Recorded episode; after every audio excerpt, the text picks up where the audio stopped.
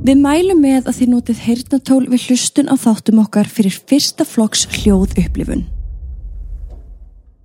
Komiði sæl, ég heiti Katrín Og ég heiti Steppi og í dag ætlum við að segja ykkur draugasögu.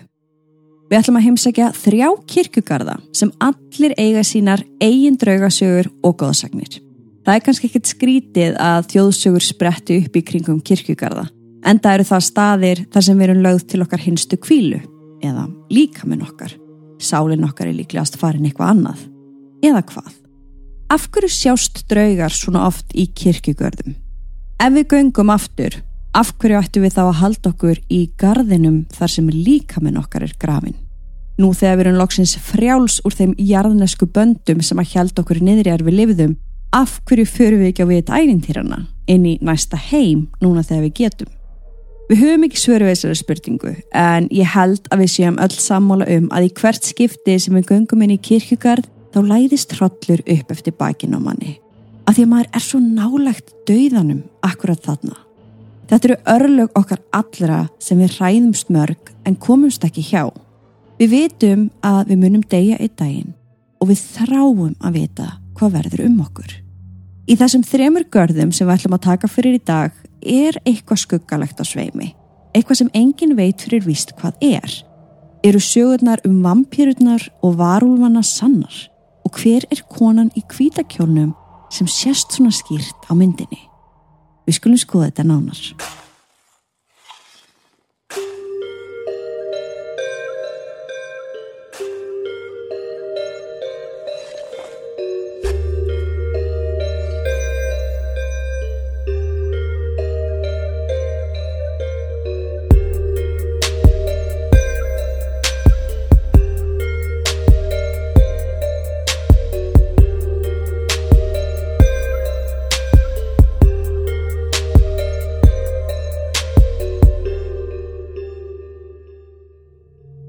Við viljum minna á að draugasögurnar okkar eru ekki við hæfi barna nema með leifi fullorðina og með því hefjum við sögu dagsins.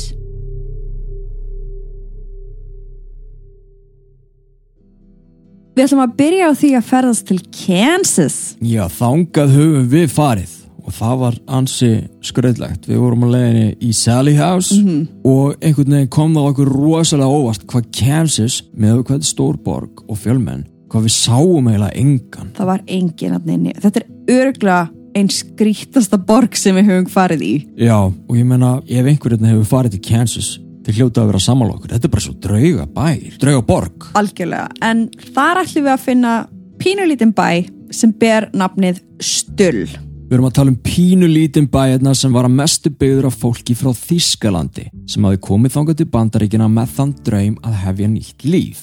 Nú á dögum búa enn afkomendur upprunalegu íbúana í þessum bæ þó þeir séu núna bara 20 talsins. Það er eitthvað óögulegt við Stull samt og þá sérstaklega einn ákveðin kirkjugarð sem við ætlum að segja ykkur frá í dag. Og við erum hérna með myndir sem við setjum hérna á Patreon. Þetta er alveg, já, eitthvað sem að maður ætti að staldra við í smá stund. Þetta er skuggalegt, þetta minnir einna helst á Silent Hill. Já, Endilega skoðið myndirnas. Fyrstu íbúar stull komið ángað árið 1857. Þetta voru eins og þú sagðir þýskir innflytjendur sem að þarna settust að.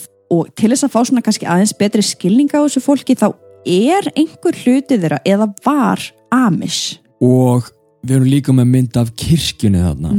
Fyrsta kirkjan þeirra var stopnuð árið 1859 og fekk hún nafnið Evangelical Emmanuel Church og var hún byggð úr timbri. Árið 1867 sapnaði svo nægilegt fyrir til þess að byggja aðra úr steini og þarna var aðeins predika á þýsku eða til ársins 1908. Stull fjölskyldan var stærsta fjölskyldan sem bjóð þarna í bænum og var fyrsta pósthúsið þarna einmitt stopnað af Silvester Stöll árið 1899.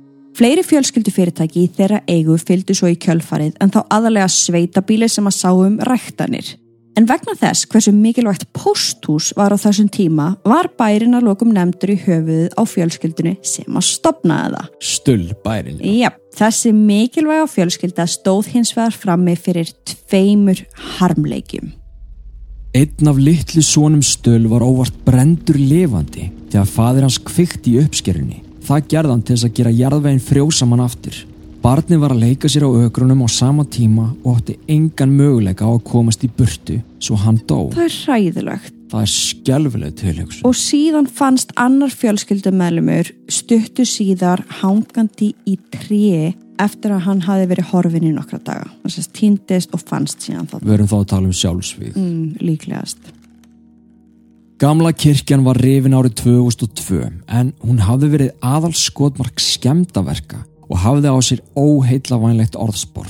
Íbor stöl voru komin með nóg af skemdaverkum og voru orðin sérstaklega leiðir á öllum sögusögnum og þá kannski sérstaklega það sem einn sagan hljóma á þann veg að kirkjan væri ein af sjö gáttum eða hliðum helvítis.